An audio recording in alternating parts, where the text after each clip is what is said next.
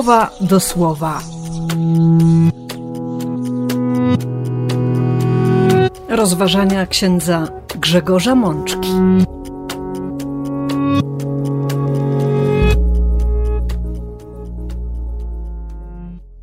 Druga niedziela zwykła, rok A.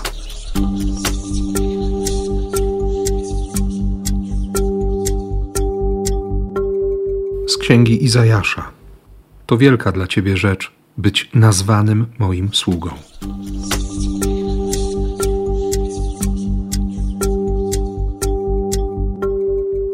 Z Psalmu 40. Nie chciałeś ofiary krwawej ani pokarmowej, lecz ukształtowałeś mi ucho.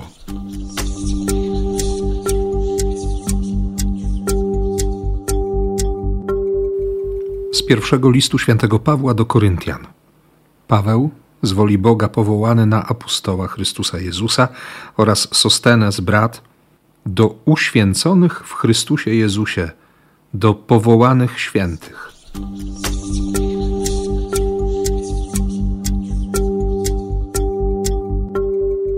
Z Ewangelii według świętego Jana. Oto baranek Boży, który gładzi grzech świata.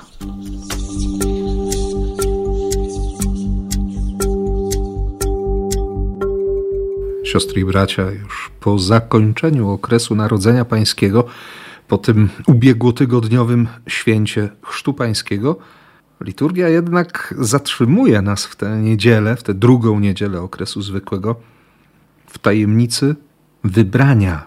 I nie chodzi o to wybranie, które, które odkrywał Jezus i o którym świadectwo dał Ojciec i Duch nad Jordanem, ale o nasze wybranie, o nasze powołanie, o naszą godność. Bo choć poszczególne słowa dzisiejszej liturgii i proroctwo Izajasza, i fragment Psalmu 40, i ten początek pierwszego z zachowanych listów do mieszkańców Koryntu, i, i wreszcie fragment z Ewangelii w redakcji świętego Jana mówią o konkretnych osobach i pokazują doświadczenie relacji z Bogiem konkretnych ludzi, to jednak słowo, które dziś staje naprzeciw nas, chce otworzyć nasze serce, nasz umysł i pokazać nam, kim jesteśmy w Bożych oczach jak Bóg patrzy na nas. Zajrzyjmy po kolei do, do tych czterech słów.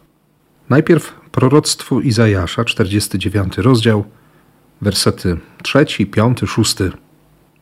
Choć oczywiście dobrze jest poszerzyć sobie trochę perspektywę i, i rozpocząć to czytanie od pierwszego wersu. Ten, który zostaje nazwany sługą Boga, zwraca się do całego świata Narody, uważajcie, posłuchajcie mnie, wyspy. Co zrobił mi Bóg? Kim mnie Bóg uczynił?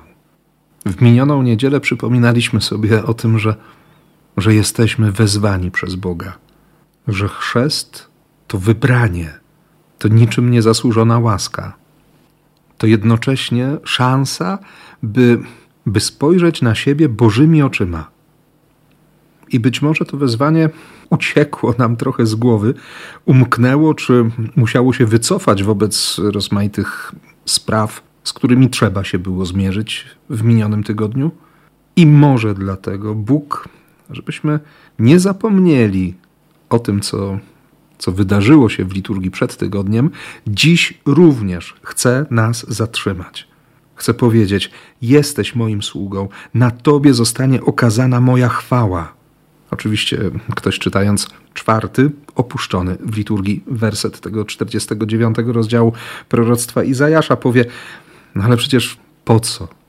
Bez pożytku, zużyłem swoje siły, nadaremnie się natrudziłem, no nie mam łatwego życia. Ale odzywa się Bóg. Bóg, który kształtował każdego z nas. Bóg, który jest mocą, nie tylko jest mocny, ale chce być naszą mocą. To ten, o którego mogę się oprzeć, na którego mogę się powołać. Wzywając jego autorytet, mogę czynić rzeczy niezwykłe. Właśnie ten Bóg odzywa się: To wielka dla ciebie rzecz być nazwanym moim sługą. Dobrze wiemy, że w naszym rozumieniu być służącym to nic przyjemnego. Ile razy odzywamy się z przekąsem, szczególnie w rodzinie czy wobec bliskich? Przecież nie jestem Twoim służącym. Co mam jeszcze zrobić? A Bóg jakby chciał nam wytrącić z rąk właśnie taki sposób myślenia, albo po prostu przewietrzyć naszą głowę. Ten Bóg odzywa się: To wielka dla ciebie rzecz być nazwanym moim sługą. To nie byle co. Pytanie zatem, co to znaczy według Boga służyć? Co znaczy w Jego języku być sługą? Całą odpowiedź poznamy później, historycznie później, w stosunku do mm, powstania księgi Izajasza, kiedy Jezus, syn Boży, na co potem będzie bardzo mocno zwracał uwagę apostoł narodów, choćby w tym hymnie o uniżeniu Jezusa zawartym w drugim rozdziale listu do Filipian, kiedy Jezus, syn Boży, stanie się sługą każdego człowieka. Nie dlatego, że będzie zniewolony, nie dlatego, że ktoś go do tego przymusi, nie dlatego, że zostanie zmanipulowany. Sam będzie mówił wyraźnie w Ewangelii, choćby w redakcji świętego Jana: Nikt mnie do tego nie zmusza. Ja oddaję swoje życie. To jest moja decyzja. Jezus powziął decyzję, by służyć, to znaczy oddać życie trzeba mieć nieprawdopodobną wolność, żeby coś swojego oddać. Dlatego święty Jan będzie mówił o tym, że, że to przyjście Jezusa i wszystko, co on zrobił, poprowadziło między innymi do tego, byśmy mieli życie, mieć życie, mieć życie w sobie. I wcale nie chodzi o to, że jesteśmy źródłem życia, że to życie od nas pochodzi, albo że jesteśmy panami tego życia, właścicielami. Nie, myśmy to życie otrzymali. Możemy je wykorzystać. Możemy się nim ucieszyć. Możemy naszym życiem ucieszyć innych. Możemy tak żyć, że, że ktoś obok nas doświadczy radości. Przekona się o tym, że, że warto żyć, że da się żyć to znaczy być sługą, dawać swoje życie. I wcale nie chodzi mi tutaj o, o żadne cierpiętnictwo, o to zagryzienie warg i, i powiedzenie sobie: muszę, muszę tak żyć, muszę to zrobić. Nie. Tu chodzi między innymi o, o danie odpowiedzi, czy uświadomienie sobie odpowiedzi na postawione przeze mnie przed tygodniem pytanie o to, czy my wiemy, kim jesteśmy czyśmy się ucieszyli tą naszą relacją z Bogiem, czy Jego Słowo, Boże Słowo, jest dla nas szczęściem. Czy umiemy się zgodzić na to, by Bóg nam pokazał, kim jesteśmy dla Niego? Czy potrafimy dać zgodę na to, by Jego punkt widzenia był dla nas ważniejszy od naszego? Być nazwanym, określonym, opisanym, zdefiniowanym, scharakteryzowanym, wiedzieć, kim się jest. Bo to zdefiniowanie, opisanie, nazwanie nie pochodzi od byle kogo, nie pochodzi od człowieka. Bóg, który zna nas najlepiej na świecie. Jak wiele wieków później napisze święty Augustyn, jest wciąż bliżej nas niż my sami siebie. Ten Bóg wie, kim jesteśmy. On jedyny wie. Dlatego autor Psalmu 40 bez żadnych wątpliwości będzie mówił o tym, że, że to nieugięte trwanie przy Panu sprawiło, że, że on się zajął. Zajął się tym człowiekiem. Wysłuchał jego prośbę, wyprowadził go z lochu poniżenia, nawet w usta włożył mu nową pieśń. Dlatego właśnie ten człowiek będzie głosił i rozpowiadał, że że mnogość zamysłów, cudów i bożych planów przerasta w ogóle wszelkie oczekiwania. I co więcej, ten Bóg niekoniecznie mówi o wymaganiu, którym są ofiary krwawe czy pokarmowe, ale kształtuje ucho.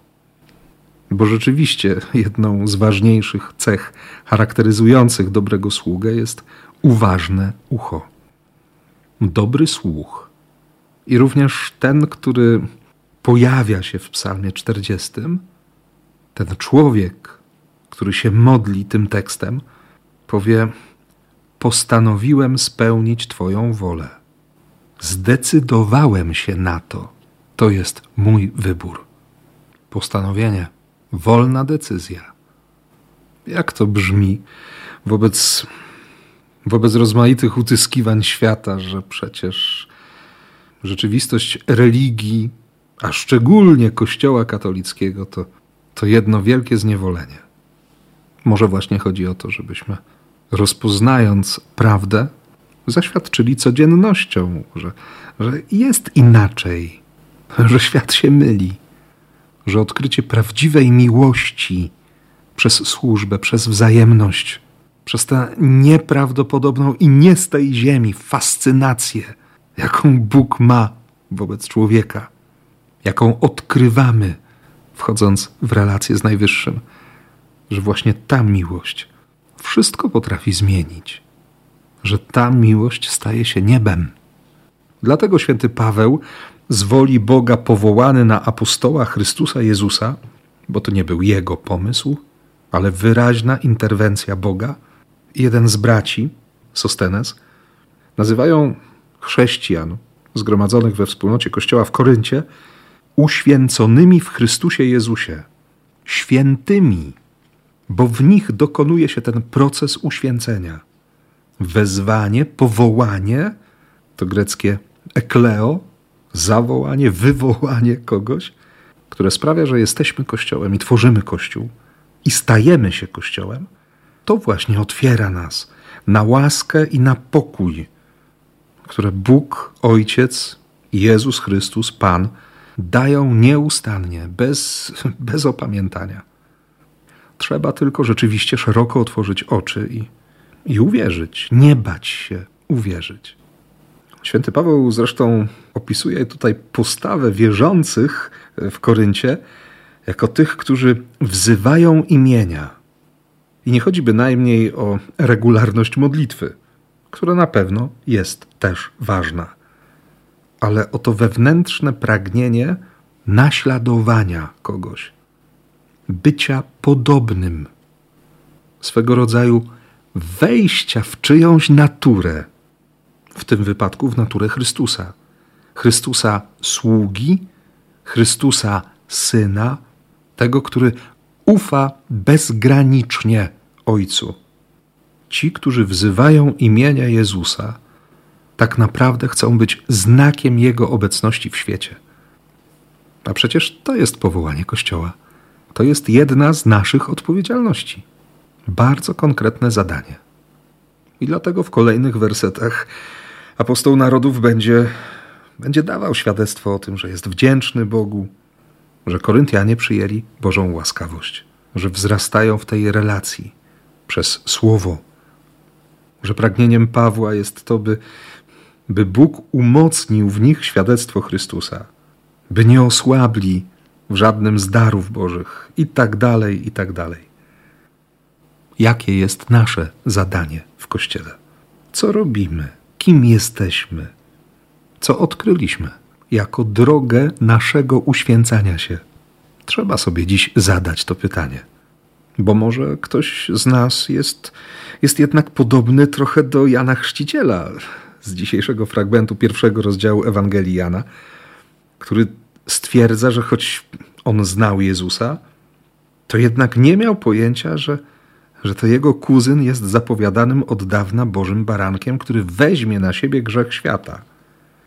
I że potrzeba było konkretnej ingerencji Boga, zapowiedzi znaku i realizacji tego znaku, żeby Jan przekonał się o tym, czego pragnie Ojciec Niebieski i kim tak naprawdę jest ten, którego, którego on zna, jako swojego krewnego, jako Jezusa z Nazaretu. Ciekawe jest też to, że w przeciwieństwie do ewangelistów synoptycznych, Jan Ewangelista mówi, że, że to właśnie doświadczeniem Jana Chrzciciela było widzenie ducha zstępującego z niebios. I dopiero po tym znaku syn Zachariasza i Elżbiety uroczyście oświadczył, że, że to Jezus jest synem Boga. To świadectwo będzie na tyle mocne, że w kolejnych wersetach przeczytamy o uczniach, o, o Andrzeju i o Janie, którzy słysząc po raz kolejny wskazanie na Jezusa, spójrzcie, to jest baranek Boży, po prostu pójdą za tym słowem, pójdą za Jezusem. Jan Chrzciciel był zdumiony tym objawieniem, ale uwierzył na słowo i przyjął konsekwencje tej wiary. Myślę, że w kontekście współczesności bardzo ważnym jest nie tylko pytanie, ale też szczera odpowiedź, w jaki sposób przyjmujemy konsekwencje wiary. Czy chcemy być konsekwentni w wierze Chrystusowi? Czy wtedy, kiedy powiedziało się już A, jesteśmy zdolni do tego, by wypowiadać kolejne litery alfabetu?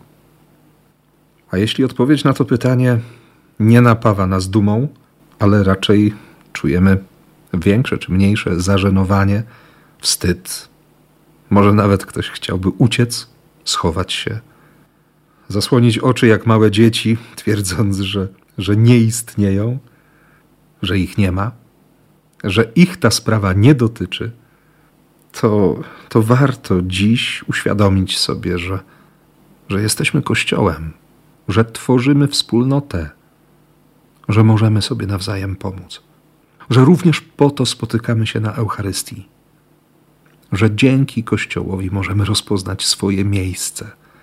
Otrzymujemy zdolność wiary Bogu na słowo. Uczymy się zaufania. I przede wszystkim odkrywamy, jak, jak bardzo Bogu na nas zależy. Że jesteśmy, nie trywializując, oczkiem w głowie Ojca Niebieskiego. Życzę Wam, siostry i bracia, właśnie takiego doświadczenia, takiego przekonania, takiego świadectwa mocy takiej miłości. Niech tak się stanie. Amen.